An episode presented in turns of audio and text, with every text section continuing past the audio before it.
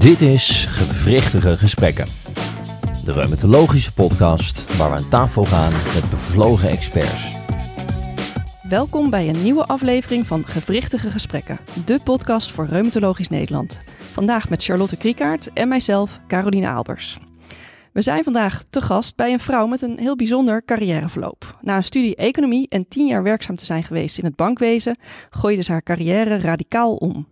Ze koos voor een studie diëtetiek en werkt sinds 2017 als promovendus bij Reade en het Amsterdam UMC. Daarnaast is ze docent voeding en diëtiek bij de Hogeschool van Amsterdam en heeft ze haar eigen praktijk voor leefstijltherapie bij ziekte en voor meer vitaliteit en preventie. Ook schreef ze het, uh, het boek Food, Body and Mind. We zitten vandaag bij Wendy Walramenstein. Wendy, welkom. Dankjewel. En fijn dat je als duizendpoot hier tijd voor hebt uh, willen maken. Nou ja, heel graag. Um, voordat we beginnen met uh, de inhoudelijke uh, vragen in onze podcast, willen we altijd graag wat meer over uh, degene die we interviewen weten. Um, en om ja, maar bij het begin te beginnen, waar ben jij opgegroeid? Um, ik ben in het midden van Nederland opgegroeid en ik ben in Zeist naar de vrije school gegaan. Dat is al een kleine verklaring voor mijn breedte, zeg maar. Uh, dus ik heb uh, met veel plezier daar op de vrije school gezeten. Uh, en ik woonde in Scherpenzeel, een klein, klein boerendorpje in het midden van het land. Dus ja, ja. En daarna um, nou ja, VWO-examen gedaan en toen economie gaan studeren in Amsterdam op de VU. Um, ja, leuk. leuke studententijd gehad. En, en daarna voor de Rabobank gaan werken. Ja heel wat anders dan uh, heel waar, waar je nu zit. Ja, ja, zeker. Ja. Heb je daar lang gezeten? Um, nou, ik heb, um, uh, want je zei het tien jaar, maar het is uiteindelijk 15 jaar uh, geweest dat ik toch wel in die financiële wereld heb gewerkt. Uh, eerst vooral in Nederland. Ja. Ook veel met, met boeren die nu op de snelwegen staan. Um, maar op een gegeven moment mocht ik voor de Rabobank ook naar Italië. Dus ik heb vier jaar in Italië gewerkt. Eigenlijk voor internationale cliënten die iets in Italië wilden. En dat was ook wel heel erg leuk. Het was heel breed. Hè, dat uh, varieerde van uh, verzekeringen regelen voor ondernemers die kassen hadden in Zuid-Italië. Tot en met uh, nou ja, financieringen voor grote bedrijven. Maar ook ja, um, rijke cliënten die een mooie tweede huis ergens in Toscane kochten. dat soort dingen. En nou, hartstikke leuk. Toen nog vier jaar in. Um, in Zurich uh, in Zwitserland gewerkt. Uh, deels voor een onderdeel van de Rabobank, maar ook bij Credit Suisse. Dus echt uh, het grote geld. ja, de, de beetje de foute bankenwereld toch ja. wel. ja, ik dacht dat ik een bijdrage leverde aan ja, het ehm, meer gereguleerd werken en zo. Dat deed ik ook wel. Maar het was in die tijd, zo na de crisis in 2008, toch ook wel een periode um, waarbij de hoop een beetje gericht was op ja, de veranderingen die dan kwamen. Mm -hmm. Maar dat viel een beetje tegen. Is dus, dat de reden dat je geswitcht bent? Heeft dat ermee te maken? Nou, het was wel een van de factoren. Het was niet het belangrijkste, want ik vond mijn werk op zich best wel heel erg leuk. Um, niet zo leuk als dat ik mijn huidige, huidige werk uh, vind. Uh, maar er waren een paar factoren. Um, uh, mijn man en ik kregen een beetje heimwee naar Nederland. We misten de familie. Um, nou, en daarnaast had ik ook wel zoiets van, ja, ja dit, dit werk, wil ik dat dan... Vooral de gedachte dat je dat dan nog eens, ja, wat was het, 30 jaar of zo ja, ja. zou gaan doen, dat. ja, en dat bij elkaar. ja, we gingen terug naar Nederland. Ik dacht van, nou, ik zeg me gewoon mijn baan op en ik zie wel. En ja, en toen, um, en het grappige was, ik had dus ook geen plan, dus qua uh, sabbatical of zoiets dergelijks, wat mensen wel eens doen. Ik had gewoon zoiets van, nou, ik zie het wel. Ja, want het klinkt als een spontane actie, maar dat is het waarschijnlijk niet nee, helemaal. Nee, nee, ik had mijn Excelletje, ik ben wel financieel uh, genoeg uh, om een keurig Excelletje te hebben gemaakt van, nou, eens even kijken hoe we het met de spaarcentjes dan kunnen uitzingen en zo. Dus nee, dat was wel goed overwogen. Um, maar wat, wat er dan daarna zou gebeuren, dat, daar had ik toen op dat moment echt geen idee van. En het grappige is wel dat toen we uiteindelijk in Nederland terechtkwamen, eigenlijk alles wat ik dus deed de hele dag, het had allemaal met eten uh, te maken. Het, ja, het, het was gewoon, ja, uiteindelijk. Um, ging ik ook maar even kijken van ja, wat, want als je dan wat doet, dan moet het ook wel professioneel, dan moet het ook wel goed uh, onderlegd zijn. En uh, dus ik dacht wel van nou, laat ik eens bellen naar Wageningen. En, uh, maar uiteindelijk was het toch wel het gevoel van ja, maar ik wilde dan ook echt iets praktisch meedoen. Mm -hmm. wat me deed overwegen om ook uh, naar de Hogeschool van Amsterdam te bellen. En daar kreeg ik een ontzettende leuke docent aan de telefoon. Die zei van, nou ja, je hebt nu toch geen... Uh, niks, ja, je hebt gewoon niks te doen. Dus Kom begin nou maar gewoon. Het is augustus, het is straks september. Je kunt gelijk beginnen. En dan kun je altijd nog na drie maanden bedenken van...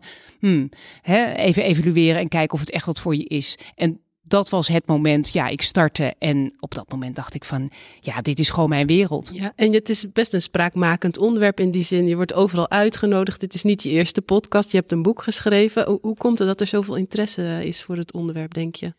Um, nou, ik denk dat het, dat, dat een aantal redenen uh, heeft. Ik was direct al, uh, dat was eigenlijk al een beetje in Italië en Zwitserland geboren. Ik had een enorme interesse voor een meer vegetarisch, plantaardig uh, voedingspatroon. En um, ja, dat, dat is ook een beetje een gelukje geweest. Dat was op dat moment, was dat um, zeg maar in de eh, internationale um, wereld van voeding en gezondheid, was dat een onderwerp. Daar ben ik me dus ook in gaan verdiepen. Allerlei dingen die kwamen samen. Mijn man is echt een, ja, zeg maar een ethisch veganist. Dus die, die had zoiets van, ja, maar ja, voor de dieren. En toen begon ook net die duurzaamheids uh, discussie. Dus het was een beetje toeval dat ik dat plantaardige uh, had gepakt. En, um, uh, en gelukkig ook de ja, zeg maar de, de evidence. Hè, het leuke was dat bij de Hogeschool van Amsterdam had ik natuurlijk veel discussies als een wat oudere leerling uh, met de docenten, die dus nu allemaal collega's zijn. Heel erg leuk. Uh, maar ik had vaak discussie met ze en, en ze bleven maar roepen van, van ja, nou prima, leuk verhaal, maar zoek nou eens die evidence erbij. Dus ja. dat ben je gaan daar, doen. En daar begon het een ja. beetje. Um, uh, en wat verder ook een rol speelt, zeg maar, in de uh, mate waarin ik dus ja, uh, wel in beeld ben, dat heeft een beetje te maken met datgene wat, waar ik nu ook wel heel fanatiek mee bezig ben. En dat, dat is dat voor mijn gevoel de diëtist van vandaag best wel um, uh, wat mij betreft iets te, te timide is. En uh, meer uitgesproken mag zijn en ook iets stoerder mag zijn. En ja, daar speelt weer, weer het gelukje mee dat ik natuurlijk getraind ben in een harde zakelijke uh, wereld met veel mannen die op rotsen staan. En, hè, dus, en dat, dat komt me nu wel heel erg van pas. En ik denk ook wel dat we van dat soort gedrag soms ook wel een beetje kunnen leren. Het is niet alleen maar fout. Het komt nee. soms ook goed van pas. Ja. Brengt je ook ergens. Ja, ja. ja zeker. Een, ja. ja. toch wel een meer zakelijke instelling. Um, uh, hè, um, ja, ik zeg toch altijd wel hard op de inhoud, zacht op de mens. Maar je mag best wel wat, uh, wat harder en wat steviger er soms in zitten. Ja. Leuk. Nou, we gaan, we gaan er zo meer over horen. Want dat is waarom we hier vandaag zitten. Om meer te horen over dieet en leefstijl. Maar dan specifiek bij uh, reumatische aandoeningen. Want dat is onze achtergrond. Uh, reumatische aandoeningen en auto-immuunziekten. Um, en het hoofdthema is natuurlijk Plans for Joints. Het onderzoek uh, ja. dat, nou ja, al we hebben er al, al een aantal keer wat over gehoord, maar dat is natuurlijk nog steeds uh, komen er meer resultaten uit. Um, om daarmee te beginnen, wat is, je hebt het al een beetje genoemd, maar um, de achtergrond van dit onderzoek, zeg maar, waarom dit dieet bij reumatische aandoeningen? Ja, nou, het begon eigenlijk allemaal met een, een goede vriendin van mij, die dus uh, reuma heeft en patiënt is bij uh, Dirk-Jan van Schaardenburg. Oh ja. En um, nou, ik was natuurlijk al bezig met plantaardige voeding en, en zij helemaal niet, uh, tot ze op een gegeven moment bij ons kwam eten en zei, nou, je gelooft je oren niet, maar ik moet vegan van mijn dokter. En um, Um, en toen zei ik van ja, maar wie is dan die, die, die reumatoloog van jou? En uh, nou, uiteindelijk heeft ze ons bij elkaar geïntroduceerd.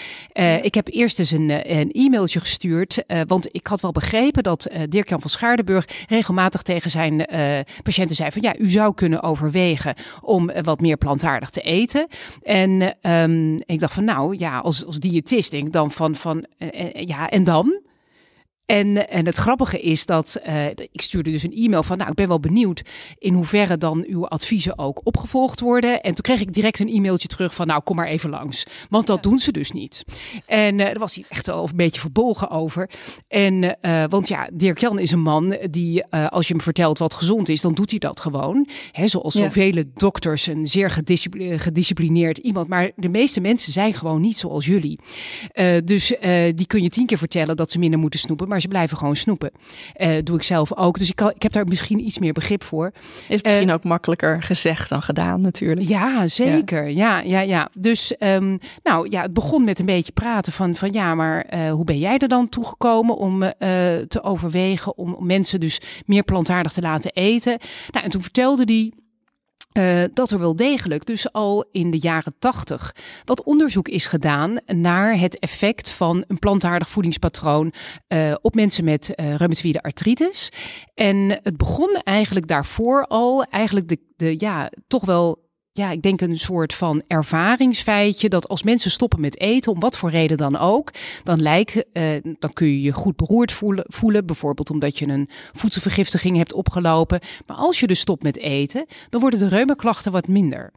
En uh, dat was de aanleiding voor een paar Noorse onderzoekers om te zeggen van nou, laten we dat, dat idee eens uitwerken. We laten mensen um, gewoon een week vasten.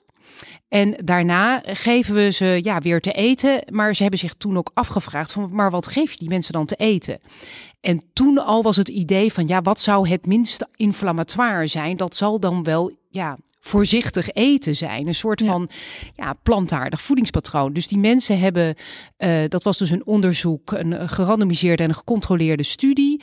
Um, waarbij ze dus de helft van de deelnemers uh, dus dit voedingspatroon adviseerden. En de andere helft werd eigenlijk op een soort standaard ziekenhuisdieet gezet. En uh, nou, ze zagen daar toen, en dat waren natuurlijk wel tijden, um, de ziekteactiviteit was toen echt wel veel heftiger. Ja. He, ook hogere um, uh, ontstekingsmarkers. Um, uh, maar je zag dus heel mooi dus die reuma afnemen. En dat hield tot een jaar aan. Uh, en zo zijn er nog een paar kleinere studies gedaan. En toen zijn we gaan nadenken van ja, kunnen we hier wat mee? En toen hebben we dus eerst gedacht van zouden we dus een voedingsinterventie kunnen doen?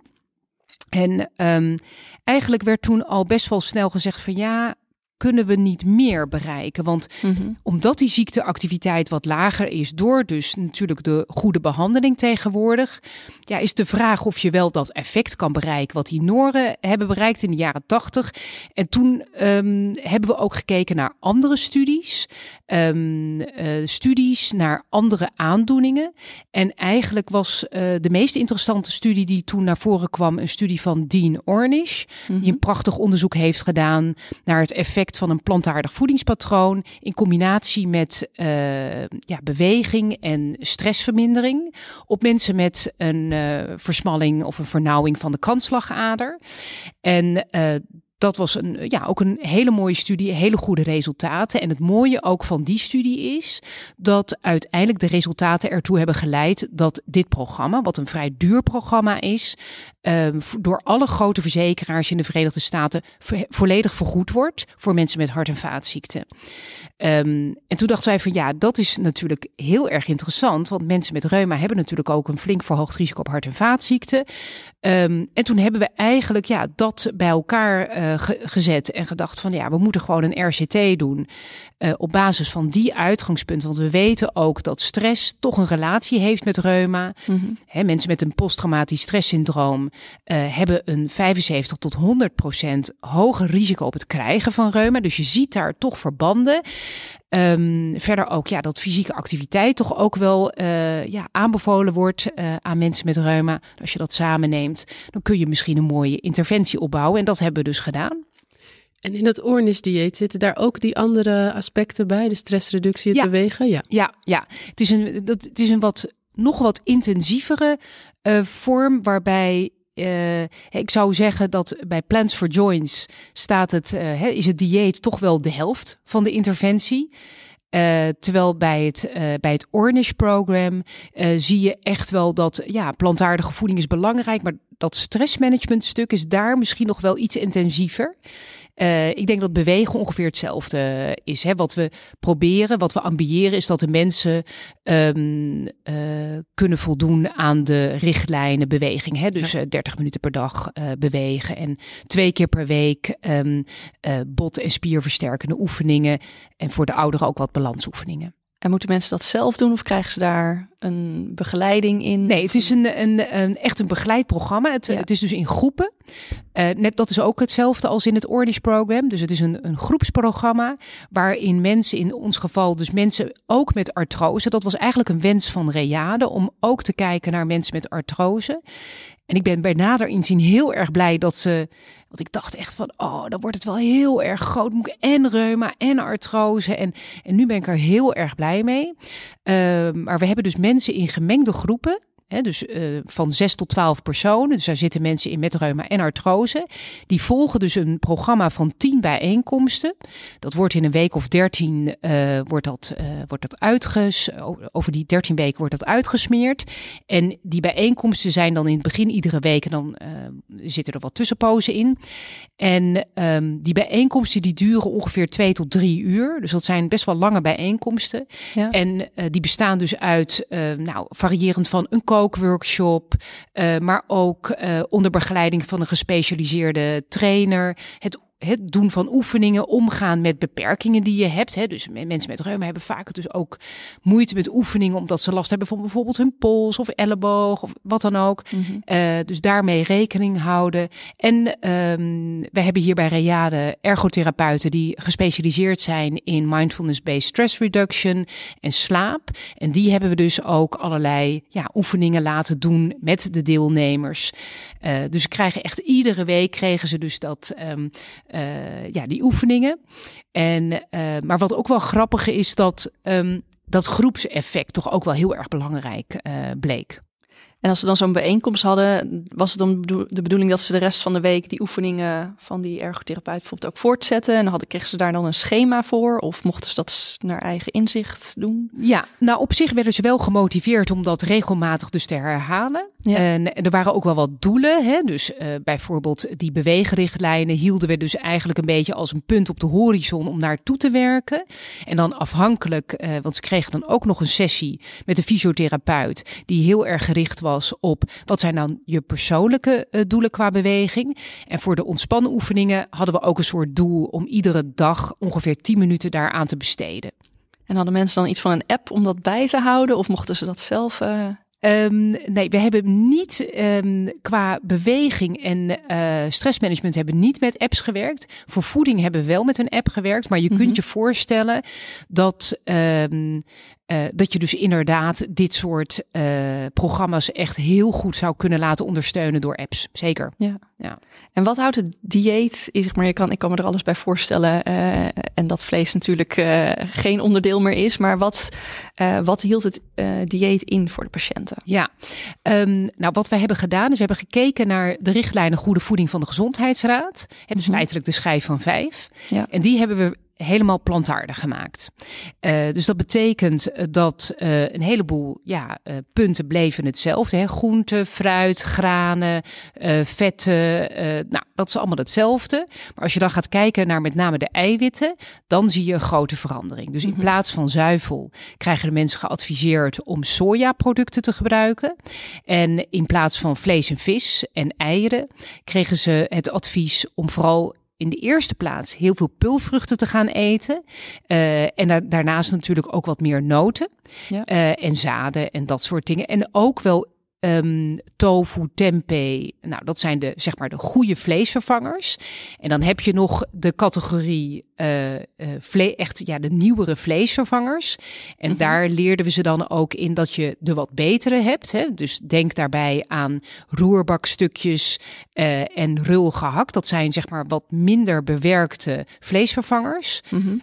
en daarnaast heb je ja, het grootste deel van het schap van de vleesvervangers waarvan je ja, kunt stellen dat dat ja, toch wel heftig bewerkte producten zijn. Ja. En eigenlijk leerden we ze ook om dat te vermijden. Dus dat soort bewerkte producten, maar ook andere bewerkte producten, zoals bijvoorbeeld kaasvervangers, wat feitelijk gewoon kokosvet met wat zetmeel is. Nou, daarvan uh, hebben we ze ook eigenlijk. En dat, dat was wel een beetje bijzonder, want toen wij begonnen in 2019 viel het nog wel mee. Ja. Maar uh, in de loop van de tijd kregen we steeds meer deelnemers die uh, met foldertjes aankwamen van um, kijk nou eens bij de Multifly verkopen ze vegan flyen. Nou, en dan, uh, dat was altijd wel leuk, want dan uh, uh, gingen we dat als voorbeeld aanhalen van, nou, laten we eens kijken wat erin zit. Hè? Dat, dus, um, dus de, um, de realiteit haalde ons in die zin ook een beetje in. Want in eerste instantie zeiden we, nou, plantaardig. Maar we moesten echt steeds meer bijsturen ook van, ja, een, een um, een uh, vegan Ben Jerry's, dat is niet wat we bedoelen. Nee. nee. Gezonde vegan alternatieven. Ja, ja, ja. ja. En hadden de mensen dan een, een, een uh, weekmenu of tips hoe ze anders konden koken? Want ja. dat lijkt me persoonlijk zonder patiënten Grote zijn best wel lastig. Ja, ja. zeker. Uh, nou, we begonnen dus met een kookworkshop gegeven door een gespecialiseerde vegan chef die dus echt ook uh, heel gezond kan, uh, kan koken. Um, en dat was vooral om aan te geven van um, of om mensen te laten proeven, mm -hmm. omdat je toch het is ook een smaakontwikkeling. Hè? Ja. Ik, ik, roep ook vaak van ehm, gezond eten is ook eens net zoiets als het leren luisteren naar klassieke muziek het, het vergt wat tijd. Ja. Um, uh, en het proeven en kijken wat je lekker vindt. Dat is dan ook heel erg belangrijk. Dus we hadden dan tien gerechten. Ook uh, ja, veel Aziatisch en, en uh, Oosterse gerechten. Omdat dat ja, best wel makkelijk uh, gezond en plantaardig te maken is. maar ook gewoon bijvoorbeeld boerenkoolstampot. Maar dan met gerookte tofublokjes erin of zoiets dergelijks. Nou, en zo um, lieten we mensen eerst proeven. Zodat ze een beetje konden, konden zien van nou, dat vind ik lekker. En Vervolgens kregen ze een hele dikke map uh, met enerzijds meer een toelichting. Hè, want we hadden natuurlijk deelnemers die heel goed kunnen koken. En die mhm. hadden zoiets van: vertel me maar even hoe ik ongeveer mijn recepten moet aanpassen. En we hadden ook volledig uitgewerkte weekmenu's voor een maand. Um, en uh, die weekmenu's waren zo samengesteld van, nou, als je dit eet, krijg je alles binnen wat je nodig hebt. En um, uh, nou, het is ook lekker afwisselend. En, en er waren dus inderdaad deelnemers die gewoon echt strak die weekmenu's hebben gevolgd. En er was ook een mevrouw uh, die echt fantastisch kon koken. En die zei, oh ja, die map, ja die, ja, die ligt daar ergens stof te vangen. Die had er nooit naar gekeken en die at echt fantastisch. Dus ja, het is ook voor mensen heel, heel verschillend. En tijdens die bijeenkomsten was het natuurlijk ook een, een steeds terugkomend iets van, nou, vertel maar eens, wat is jouw to-go ontbijt. Uh, samen een weekmenu maken. Samen kijken naar uh, hoe je nou uh, je favoriete gerechten ombouwt en zo. Dus dat was een, ja, een, een, ja, een, een intensief proces. Ja. En denk je dat er werd gesmokkeld af en toe? Er werd zeker gesmokkeld en we hebben ook juist aangegeven van um, rapporteer dat. Hè? Ja. Um, we, we, vroegen ze dus regelmatig om een eetdagboekje bij te houden via de Eetmeter app van het voedingscentrum. En, um, uh, en dat hebben mensen, uh, nou ze moesten af en toe een beetje geholpen worden en het is een hele uitdaging om het voor elkaar te krijgen. Ja. Maar uiteindelijk hebben ze het echt ook uh, heel mooi ingevuld, ook heel eerlijk ingevuld omdat we, um, we weten dat uh, hè, ook, ik eet, ook ik eet wel eens een patatje. En ja. um, dat is prima. Um, het gaat ook over een stukje balans. En het streven was ook van ja, als we nou maar die 80, 90 procent voor elkaar hebben, dan is dat al een waanzinnige verbetering van het voedingspatroon. Ja. En we merken dus ook dat eigenlijk het gros van de deelnemers eigenlijk aan ons terugrapporteert van ja, ik doe het. Maar ik doe het voor 80%, 90%. De een zegt van nou, ik eet af en toe een haringje. De ander zegt van nee, dat eitje is weer teruggekomen. Ik merk wel dat uh, de meeste mensen niet zoveel moeite hebben om vlees te laten staan. Het is vaker het visje, het eitje, af en toe wat kaas. Um, en uh, door mensen te leren om daar ook Want mensen kunnen ook behoorlijk hard zijn voor elkaar. Van wat een loser ben ik. Ik kan het helemaal niet volhouden. Oh jee. En door, ja, dat, ja, dat mensen zijn ongelooflijk hard voor, voor zichzelf. En we lieten mensen ook reflecteren. Hè? Van stel je nou voor dat je dit zegt tegen je vriendin. Hè? Ja. Hoe zou je haar uh, nou uh, ja, uh, motiveren om toch door te gaan? Ja, dan zeggen mensen vaak ook zelf van ja, door vooral te zeggen zeggen van ja, dat ene eitje maakt natuurlijk niet uit. Of uh, dat een keer een patatje moet toch kunnen. Uh, dus daarin ook iets milder te zijn naar zichzelf. En dan zie je eigenlijk dat mensen het best wel heel erg goed volhouden. Oh, nou, dat is wel hoopgevend. Ja. En dan doen ze 13 weken mee aan dat traject. Ja. En wat komt daar dan uit uiteindelijk? Ja, ja de, de eerste resultaten. Nou, het is een, uh, dus een RCT uh, van uh, 16 weken, van vier maanden. Ja. En waarin het programma dus inderdaad tot 13 weken loopt. En um, we hebben dus een beginmeting, een halverwege meting en een eindmeting. En bij de mensen met reumatoïde artritis Um, hebben we dus gekeken naar de DAS 28, dus de ziekteactiviteit op basis van 28 gewrichten. En daar zie je dus een 0,9 per saldo 0,9 punten daling vanaf. Ze beginnen bij ongeveer 3,7 gemiddeld. En ze eindigen helaas net niet onder die 2,6, maar op ongeveer, uh, nou, uh, dus, dus ergens op de 2,8 of zo eindigen ze um, in de interventiegroep. Dus dat is ja, best wel een hele mooie uh, daling. Ja. Uh, de medicatie overigens, hè, dus er waren een aantal mensen uh, zonder medicatie, maar de meeste hadden wel medicatie. En we hebben dus geprobeerd om die medicatie gedurende die vier maanden in beide groepen, dus in de interventiegroep en de controlegroep, gelijk te houden. Mm -hmm. En dat is redelijk goed gelukt. Er waren een paar wijzigingen. Per saldo werd er um, uh, meer, zeg maar, um, medicatieverhoging toegepast in de controlegroep. Mm -hmm. Waaruit je dus zou kunnen concluderen van, nou ja, uh, het is niet zo dat de interventiegroep meer medicatie ging gebruiken. Um, en verder zagen we wel dat uh, bij de bezinking en de CRP zagen we wel een daling. Die was jammer genoeg niet significant. Uh, de CRP was wel significant gedaald bij de artrosegroep. En eigenlijk als ik onderaan, dus ik vind de resultaten van de RA-groep, van de reuma-groep, echt fantastisch. Echt heel hoopvol. Ja. Um, maar ik vind ze bij de artrosegroep nog indrukwekkender. Omdat je daar eigenlijk ziet dat, uh, daar hebben we gekeken naar de WOMAC. Dus naar fysiek functioneren, naar pijn en naar stijfheid. En je ziet alle drie echt flink significant afnemen. En daar zie je ook dus die CRP dalen.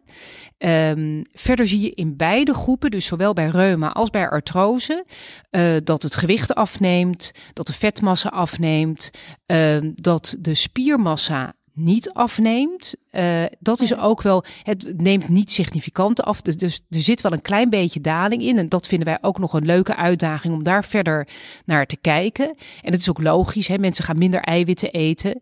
Ze gaan wel iets meer bewegen. Dus per saldo is het ook begrijpelijk dat ze, hè, als je bijvoorbeeld 4 kilo afvalt, dat je dan een half kilootje uh, spiermassa kwijtraakt. Dat is per saldo. Hè? De, het vetpercentage neemt echt duidelijk af. Dus dan is dat ook niet, zeker niet zorgelijk. Maar het zou wel nog mooier in de diëtetiek zeggen we van ja, het mooiste is als mensen afvallen en dat de spiermassa gelijk blijft. Ja. Dus dat je echt puur vetmassa verliest. Dus dat vind ik zelf nog een leuke uitdaging. Um, en verder zie je natuurlijk de, ja, de verwachte uitkomsten. Dus HbA1c hè, uh, neemt uh, significant af. LDL neemt ook significant af. Uh, dus dat zijn eigenlijk de belangrijkste uitkomsten. Overal wordt iedereen gezonder. Eigenlijk. Ja, ja over dit, dat eiwit, hè, zou het dan, ik hoor jou zeggen, we willen het liefst geen spiermassa verliezen. Kan je dat nog op een bepaalde manier bewerkstelligen? Ligt dat in eiwitinname? Uh, nou, het ligt in een, paar dingen. Ten eerste, het is uh, het leuke is dat mijn co-promotor is Peter Wijs, een hoogleraar aan, de, aan de, uh, het VU uh, Medisch Centrum. en ook lector bij de Hogeschool van Amsterdam en dat is in Nederland echt de expert op het gebied van voeding, beweging, eiwit en spiermassa. Um, en hij vindt het heel erg leuk om hierbij betrokken te zijn, omdat hij altijd betrokken was bij, zeg maar, eiwitverrijkte interventies. En dit is natuurlijk een interventie waarbij de eiwitinname, die was bij diëtisten kijken altijd naar uh, de uh, hoeveelheid gram per kilogram lichaamsgewicht. Nou, dat is 0,9 gram. Dat was uh, de start. En het is een klein beetje 0, naar 0,8 ongeveer gemiddeld afgenomen in de interventiegroep. Dus dat is heel netjes. Dat betekent dat we ons werk als diëtist redelijk goed hebben gedaan. Want het is een uitdaging om bij een plantaardig voedingspatroon echt ja, goed je eiwitten binnen te krijgen. Um, en als je dat zo bekijkt, je kijkt naar het gewichtsverlies, uh, daarvan zei Peter Wijzen ook van, nou, het is echt fantastisch dat je zo weinig spiermassa. Hè? Dus dat je eigenlijk echt dat vetpercentage hebt weten te verlagen. En dat die spiermassa toch eigenlijk heel erg goed op niveau is gebleven. Wat we verder nog zouden kunnen doen om het nog verder te verbeteren, dat is um, enerzijds bij beweging iets meer te focussen op kracht. Hè, dus mensen toch iets meer krachtoefeningen te laten doen. En anderzijds um, ja, zou ik eigenlijk toch ook wel die eiwitintake toch iets hoger willen hebben. En wat we eh, wel hebben gezien, en dat zie ik nu ook aan nieuwe studies die bijvoorbeeld in Wageningen worden gedaan met vezelverrijkte um, interventies. Want feitelijk is dit een vezelverrijkt uh, voedings, uh, een vezelverrijkte voedingsinterventie. Um, en wat je dan toch wel ziet, is um, dat mensen in het begin, als ze van de een op de andere dag, bij wijze van spreken van ja, 20 gram vezels per dag naar 40 gram vezels per dag gaan, ja, dan krijgen ze gewoon een opgeblazen buik en een rommelende darmen. En, uh, dus dat vinden mensen best wel lastig. Ja. En wat we zien is dat je dat gewoon langzamer moet opbouwen. Uh, dus ja, idealiter zou je eigenlijk niet van de een op de andere dag helemaal vegan uh, willen gaan. Maar bijvoorbeeld uh, kunnen zeggen van stop eerst maar eens met rood vlees. Want dat lijkt toch wel de grootste boosdoener. Met name bewerkt uh, vlees. Um, en um, voer dan en, en eet nog wel wat vis en wat ei bijvoorbeeld. En wat yoghurt en zo kwark, dat soort producten. En voer dan uh, je, met name je pulvrucht in, uh, pulvruchtenintake langzaam op. Nou, en dan zou je een, zeg maar, het zo kunnen tweaken, zeg maar, dat mensen ook wat minder darmklachten krijgen. En dan kun je die, hè, want ik heb bijvoorbeeld een, een flinke eiwitinname. Maar ik ben dan ook gewend aan enorme borden met linzen en kikkererwten. En dat is voor de gemiddelde Nederlander natuurlijk wel even wennen. Uh, dus ik denk dat je daar gewoon meer tijd dan ook voor nodig hebt moet gradueel die balans vinden en misschien ook er dan langer, langer, langer doen. Ja. ervoor nemen. Ja, ja. ja, inderdaad.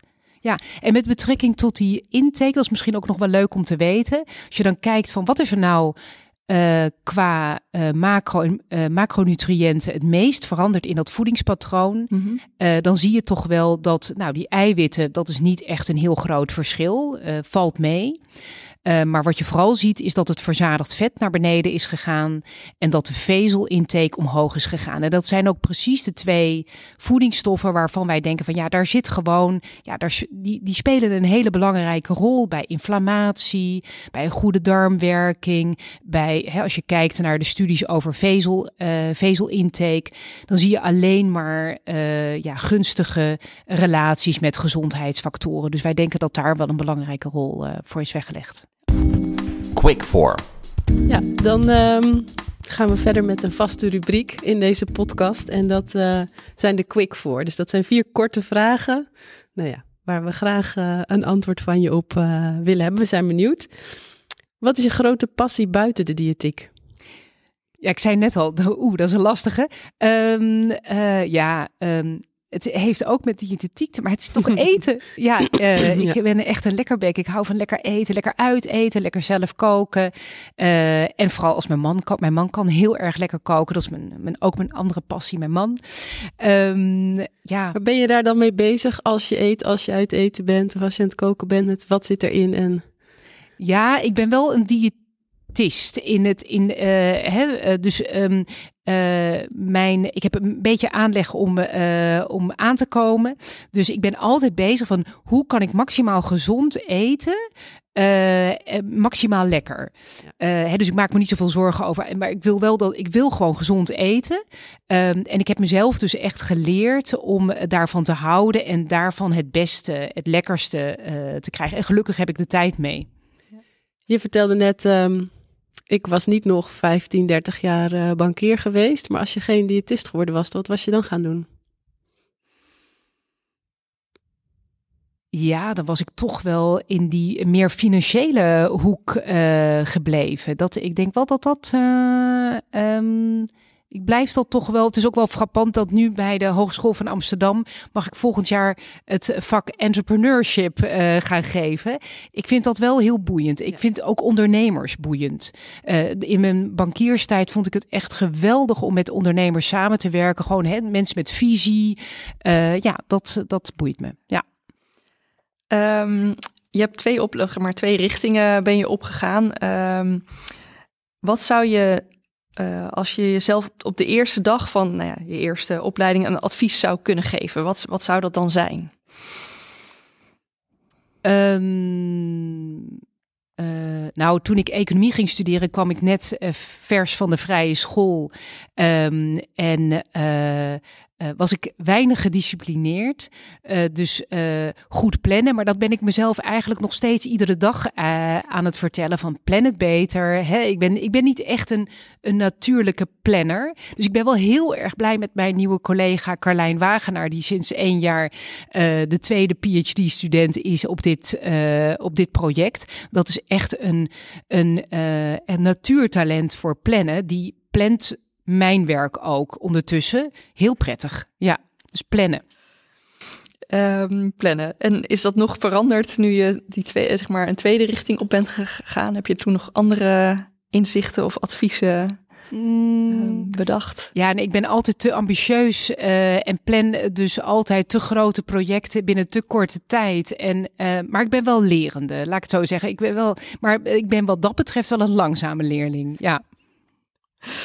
En wat, zijn de, wat is de belangrijkste verandering, vind jij, binnen de diëtetiek als je kijkt naar de laatste jaren? Je hebt het denk ik wel al een beetje wat Ja, dat plantaardige, dat is natuurlijk om. En wat ik het, het boeiende vind aan uh, de verandering die plantaardig eten met zich meebrengt, is dat het um, gestimuleerd wordt vanuit verschillende uh, hoeken. Hè? Dus je hebt het dierenwelzijn, je hebt duurzaamheid, je hebt gezondheid, uh, maar ook zelfs um, armoede. Hè? Dus er spelen zoveel factoren een rol in de hele discussie over um, plantaardige voeding.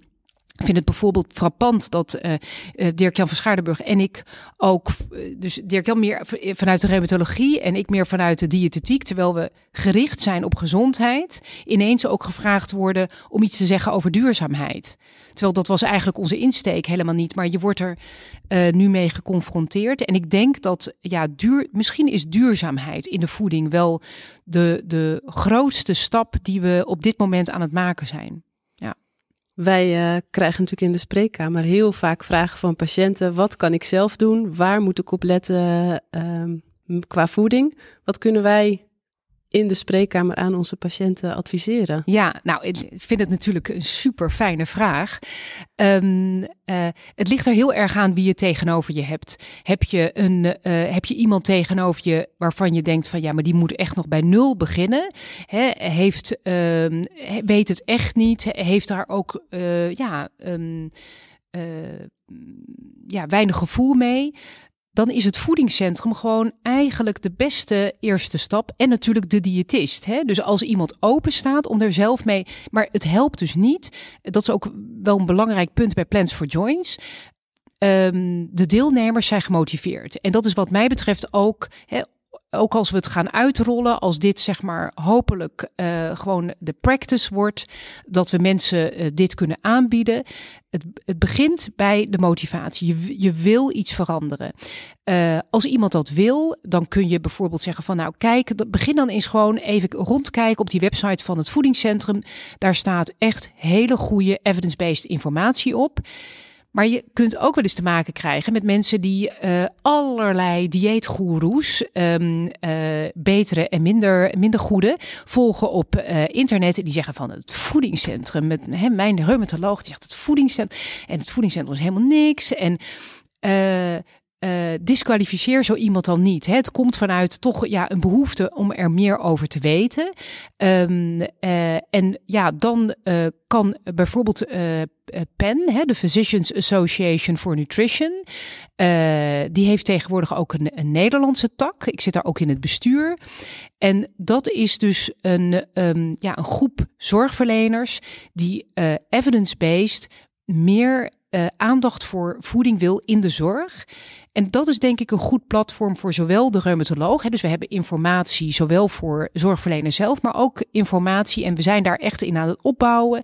Informatie voor, um, voor mensen uh, zelf uh, kunnen daar terecht. Wat kunnen we daar vinden? Wat voor informatie? Uh... Nou, de, over de relatie tussen voeding en gezondheid. We zijn nu aan het werken om ook ja, de, de, die diverse ziektes hè, te benoemen. En wat de relatie is met voeding. wat er bekend is uit in,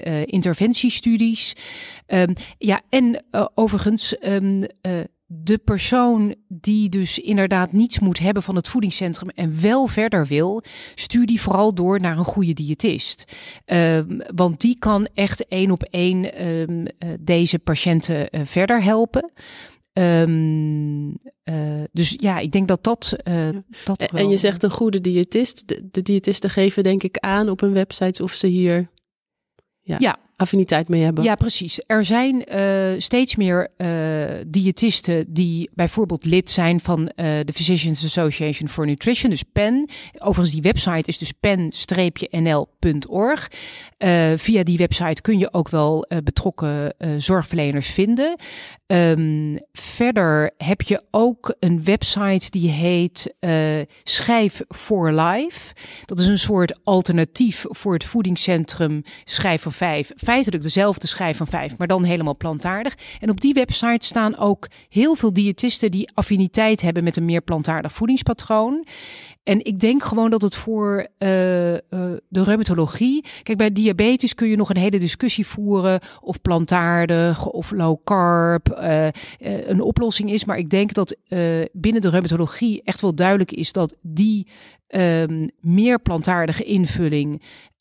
Ja, wel, wel de, the way to go is. Ja. Um, dus ik denk dat, dat die hoek dan het beste geraadpleegd kan worden. En zeg ook gerust tegen iemand die een beetje negatief is over het voedingscentrum. Van joh, er is de laatste tijd veel veranderd. En zij zijn ook aan het vernieuwen. En um, uh, want ja, de informatie die daar staat is wel ja, evidence-based. Ja, en dat gaat over gezonde voeding. Maar kan je daar ook over plantaardige voeding, uh, kan je daar ja, ook voor terecht? Zeker, ja. ja. dus vooral voor de mensen die die niet die hele draai willen en kunnen maken. Um, als je die hele draai echt wil maken, dan is Schijf for Life een heel, hele goede informatiebron, omdat daar gewoon goede informatie op staat. Uh, over een volledig plantaardig voedingspatroon. Maar het voedingscentrum geeft zelf ook echt goede handvaten van hoe kun je nou volgens de richtlijnen goede voeding van de gezondheidsraad eten, meer plantaardig. En dat begint bijvoorbeeld bij het vervangen van zuivel voor uh, sojaproducten. En allemaal van dat soort uh, adviezen. Je noemde net even motivatie. Hè? Dus ja, je hebt mensen die zeggen, oh nee, daar ga ik niet aan beginnen. En mensen die heel eager zijn om daar veel meer over te weten.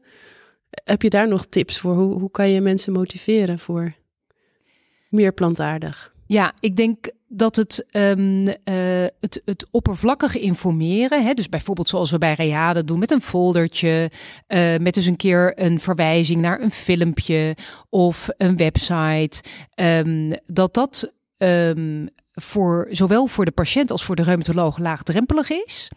Uh, en dat kun je altijd doen. Uh, en ik zou daar ook uh, niet terughoudend in zijn. En, um, uh, en vervolgens ook vragen van, wilt u er meer van weten? Of wilt u ermee aan de slag?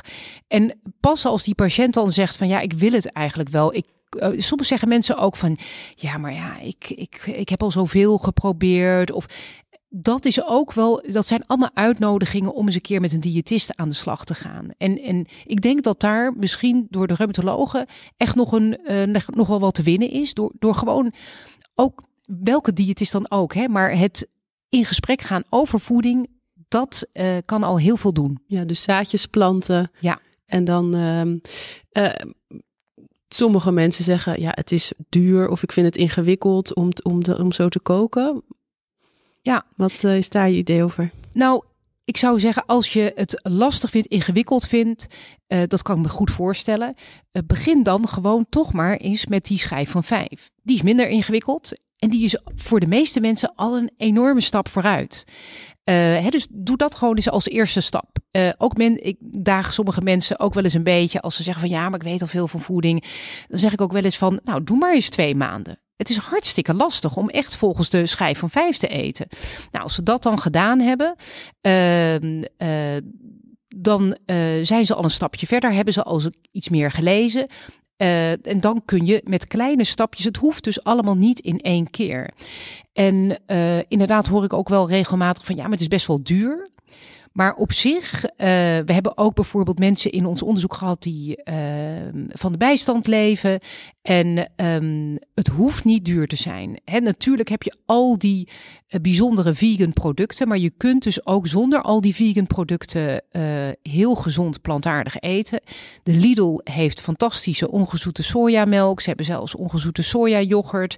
Ze hebben prachtige ja, roerbakstukjes plantaardig helemaal niet duur. Dus het kan wel. En veel pulvruchten. En pulvruchten zijn toch nog steeds veel goedkoper dan uh, de meeste uh, ja. dierlijke producten. Um, maakt het nog uit wat voor ziekte de mensen hebben aan wie we een dieet adviseren? Want het is nu RA, artrose. Ja, uh, bij jicht zou ik dit ook zeker adviseren. Um, er zijn natuurlijk, um, ik denk dat er misschien één aandachtspunt is voor de, voor de reumatologen, reumaverpleegkundigen. En dat is dat uh, op het moment dat je ziet dat mensen um, moeite hebben om op gewicht te blijven, dus ondervoeding. Hè, dus dat is wel echt een signaal. Je ziet natuurlijk uh, sarcopenie, maar ook uh, ja, zelfs uh, cachexie in sommige gevallen als de inflammatie erg oploopt. Kijk dan vooral uit en stuur dan echt een, een uh, überhaupt, hè, als je mensen ziet die, die moeite hebben om op gewicht, op gewicht te blijven of in een korte tijd uh, veel zijn afgevallen of uh, zich slappig voelen, stuur mensen dan door naar een diëtist, want daar zijn diëtisten wel echt op getraind om dat echt goed te behandelen. Dat risico op ondervoeding, dat is dan altijd de eerste stap. en daarna pas hè, de richtlijnen goede voeding, dus die schijf van vijf en dan daarna eventueel nog uh, verdere stappen. Maar ik denk dat, uh, dat die weg wel ja, op die manier gevolgd kan worden. Is er ruimte voor, de plantaardige voeding binnen de systeemziekte? Is daar iets over bekend? Nou, dat. Um, nee, dat, dat, daar zou ik je niet. Uh, nee, dat zou ik niet zo durven, durven zeggen. Nee. Nee nee, nee. En iets anders, hè? want in het Plans for Joints onderzoek bij de artrosegroep valt op dat dat mensen met een verhoogd BMI zijn. Kan je diezelfde effecten ook verwachten bij mensen met een normaal BMI? Kan je daarover speculeren? Um, ja, um, kijk, we zien um, toch wel, we hebben gekozen voor echt zo'n fenotype, hè, uh, artrose in combinatie met metabool syndroom. Ik denk wel dat het, dit het meest effectief is voor die groep. Daar zie je de grootste verschillen optreden. Um, uh, het is wel zo, zolang er een inflammatoire component in zit. Uh, en ja, dat zou je bij systeemziekten, zou ik die gedachte ook wellicht kunnen volgen. Uh, als er een inflammatoire component is en er is geen sprake van ondervoeding of risico op ondervoeding, dan zou ik dit wel, en dat is het leuke van voedingsinterventies, het is gewoon een gezond voedingspatroon. Dus zou je het zeker kunnen proberen. En is het zeker de moeite waard uh, om mensen, voor mensen om daar wel of niet onder begeleiding, hè, of uh, met, met wat eigen zoektochten op, uh, op de bekende websites, daar is wat mee te experimenteren. En wat daarbij wel belangrijk is, is het hoeft niet aan of uit. Hè. Sommige mensen denken van ja, maar als ik dan een dierlijk eiwit binnenkrijg, is dan het effect weg. Nee, zo werkt het niet. Hè. Dus als je bijvoorbeeld dit voor 80% doet, dan doe je een soort van mediterraan dieet. Nou, dat is voor de meeste mensen al een enorme, enorme winst. Ja. Als mensen vragen van ja, maar waar moet ik dan op letten? Hoeveel moet ik binnenkrijgen? Um, supplementen, kun je daar iets over zeggen? Wat zouden we kunnen adviseren? Ja, uh, nou, bij plantaardige voeding is het gewoon van essentieel belang dat je B12 en vitamine D suppleert. Dat, is, uh, echt dat zijn de basics. Als je het langer doet, dan uh, adviseer ik altijd ook een algeolie supplement. Daar zitten dus de visvetzuren in, hè, dus DHA en EPA, die dan uit algen komen in plaats van uh, vissen. Um, hè, want ja, um, um, normaal adviseren we mensen één tot twee keer per week vette vis te eten. En dat krijgen ze dan niet binnen. Dus dat zijn de drie supplementen die je bij langdurig plantaardige voeding adviseert. als mensen zelf willen checken. Uh, kijk, je kunt natuurlijk naar een diëtist gaan, maar als je zelf een beetje wil nagaan van krijg ik wel alles binnen wat ik nodig heb, uh, dan, heb je, dan gebruiken wij daarvoor dus de Eetmeter. Dat is een app van het uh, voedingscentrum. En je kunt, als je er een beetje in verdiept, kun je dus ook alle, um, alle ja, macro- en micronutriënten aanklikken. En dan kun je precies zien, als je het een week bijhoudt bijvoorbeeld, of je gemiddeld aan al die uh, aanbevolen dagelijkse hoeveelheden voldoet. Ja, heel handige app, heel praktisch en kan je makkelijk toepassen. Jij zei eens, ga niet op dieet, maar verbeter je leefstijl. Ja, ja, dat is dus het leuke. Uh, bijvoorbeeld bij artrose. Um, uh, gewichtsverlies, wat voor deze mensen uh, echt wel een, een uh, ja, normale aanbeveling zou kunnen zijn. Maar we hebben dus hen niet geadviseerd om minder te eten. En um, uh, toen ik daar met Peter Wijs, dus de hoogleraar voeding, uh, over sprak, die zei van lieve help, je hebt ze gewoon vier kilo laten afvallen. Wij hebben daar een waanzinnig dieet en oefeningen en minder calorieën en dergelijke opge opgezet. En dat hoeft dus niet. En, en ik denk dat dat ook um, belangrijk is, dat mensen um, uh, dat, dat dieet-idee loslaten. He, dus als ze naar een diëtist gaan en dan op dieet gaan. Nee, als je naar een diëtist gaat, dan leer je, dan ga je een, een feitelijk een soort cursus gezond eten doen. Dus je moet dan gewoon gaan leren eten zoals je de rest van je e leven gaat leren eten. En ook bij, uh, bij ons programma was het de insteek ook echt van ga leren eten zoals jij de rest van je leven gaat eten. En um, omdat een plantaardig voedingspatroon gewoon een veel lagere energiedichtheid heeft, hè, voor hetzelfde bord, als je een heel groot bord met groenten en pulvruchten en zo hebt, dat, ja, dat bevat gewoon veel minder calorieën dan het even grote bord, uh, waar ook veel dierlijke producten op zitten, zie je gewoon dat mensen uh, ja, snel vol zitten en uh, ja, minder eten. Overigens kwam dat niet per se uit onze voedingsdagboekjes. We zagen dat ze calorisch leek het. Maar goed, het is altijd lastig hè, met voedingsdagboekjes. Want ja, mensen hebben toch altijd de neiging om te onderrapporteren. Uh, maar het leek wel alsof ze hetzelfde calorisch gezien aten als voor. Maar per saldo heb ik toch wel het idee dat mensen toch wel uiteindelijk iets minder gaan eten. Um, je noemde net al eventjes, hè, dus als je iemand in de spreekkamer hebt die afvalt of die motivatie zoekt voor het volgen van een gezonder voedingspatroon verwijst die? Zijn er nog meer mensen waarvan je zegt, nou, verwijst die naar een diëtist? Ja, er zijn dus reumatologen die uh, al hun patiënten doorsturen naar een diëtist.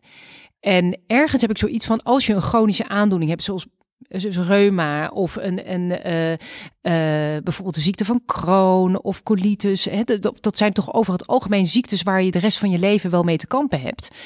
Um, ja, uh, dan is denk ik uh, die basis van een gezonde leefstijl extra de moeite waard om in te investeren. En ik zou zeggen, op al die jaren dat je als reumatoloog een patiënt begeleidt, is het misschien wel de moeite waard om die patiënt toch een, een één of twee jaar diëtistische begeleiding te adviseren. En gewoon gericht op gezonde voeding. Ja. En als mensen zeker. meer willen, meer. Prima. Ja. ja. ja.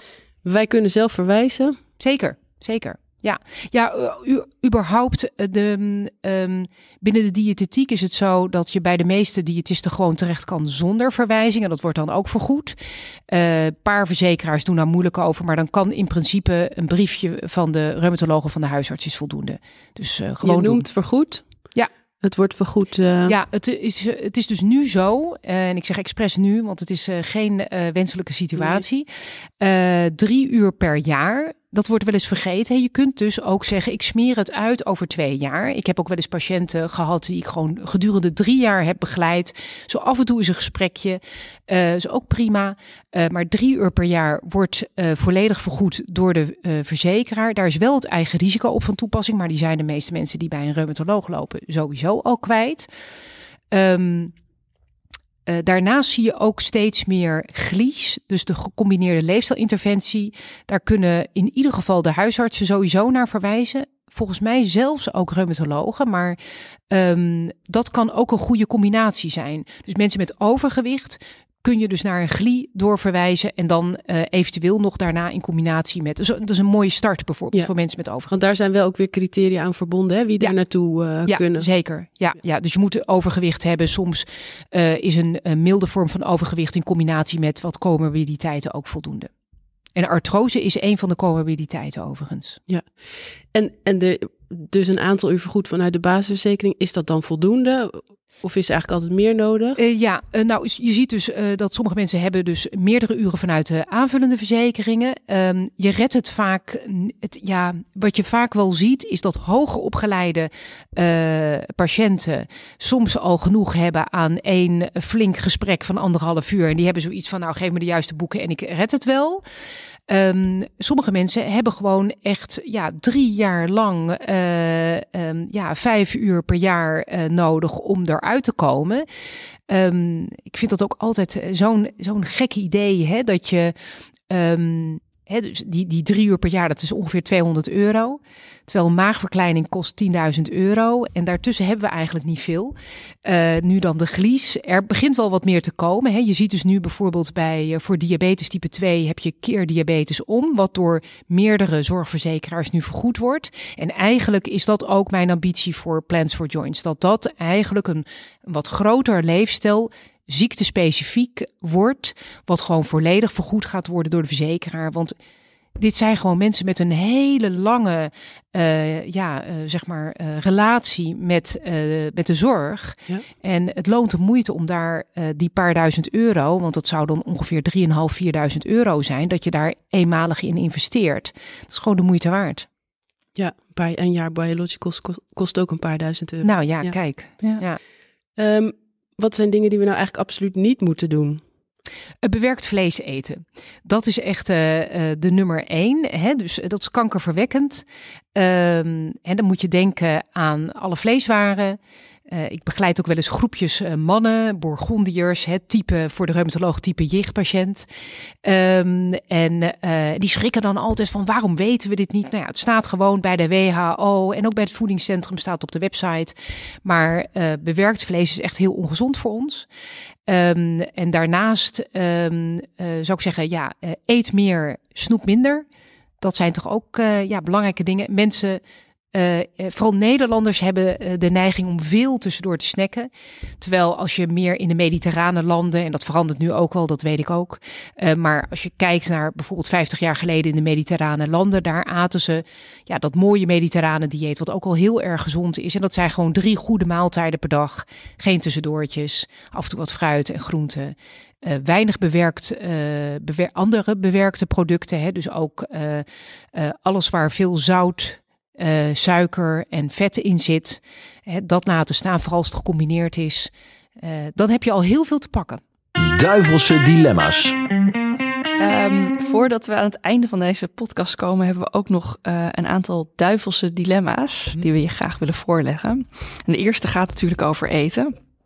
Ik weet eigenlijk niet of dit überhaupt wel uh, uh, etens uh, of levensmiddelen zijn die nog mogen, maar um, nooit meer gorgonzola of nooit meer culatello. Oh, culatello. Ja. Oh, jullie hebben echt je huiswerk gedaan, zeg. Culatello is dus uh, een, een, uh, een, een, uh, ja, een ham van het lekkerste deel van de bil van een varken. Uh, ja, het water loopt me in de mond als ik daar aan, aan denk. Maar ik zou het uh, ondertussen niet meer kunnen. Dus dan zou ik toch voor de gorgonzola gaan. Oké. Okay. Je praktijk sluiten of je onderzoek opdoeken? Een praktijk sluiten. Oh. Ja, ja, dat is geen vraag. No brainer. ja. ja. Um, een tweede boek schrijven of straks een postdoc traject naar je PhD starten? Mm, dat is wel een duivels dilemma. Ja. Nou ja, ik zou ze echt gewoon alle twee doen. Geen probleem, alle twee. Ik moet kiezen zeker. Uh, ja, nee, dan, dan, eh, dan postdoc. Hm. Koffietijd of RTL Boulevard? ja, ik was in alle twee, ja. Nee, nee, nee, koffietijd. Dat is wel... Uh, koffietijd wordt opgenomen in het gebouw van de postcode loterij. En uh, ja, eigenlijk heb ik toch wel een stiekem hoop dat die nog eens een keer een leuke bijdrage leveren aan de, de implementatie van Plans for Health. Wat dan het vervolg wordt op Plans for Joints. We gaan het zien. Ja, we zijn nou zo'n beetje aan het eind gekomen. We hebben heel veel onderwerpen gehad, allemaal gerelateerd aan gezonde voeding. Wat moet de luisteraar uh, meenemen van deze podcast? Of kan die al direct gebruiken in de spreekkamer? Ja, nou, ik zou zeggen, ja, begin vandaag. Ieder klein stapje uh, telt. Uh, iedere um, kleine stap die jouw patiënt maakt, is echt, ja, het zijn allemaal, het zijn geen druppels op de gloeiende plaat. Hè? Het zijn allemaal druppels die straks een hele grote zee vormen. Het is echt de moeite waard om daarin te investeren. Um, ik denk ook dat je een goede reumatoloog bent als je je hier ook een beetje in verdiept. Uh, ik denk dat dat echt iets is wat bij deze tijd past. En ik zou toch ook wel uh, zeggen, hou ons in de gaten.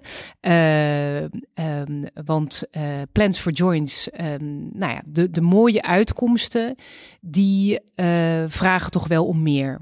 Dus ja, dat. Super. Ik denk dat je ons heel erg enthousiast hebt gemaakt. En uh, nou ja, mij persoonlijk ook zeker hebt gemotiveerd om er wat meer mee te gaan doen in de spreekkamer. Um, ik wil je heel erg bedanken voor uh, het feit dat je hier hebt gezeten. En uh, daarmee ook een dank aan onze luisteraars. En die, die zien we graag de volgende aflevering weer. Dankjewel. Bedankt voor het luisteren naar gewrichtige gesprekken. Graag tot een volgende aflevering.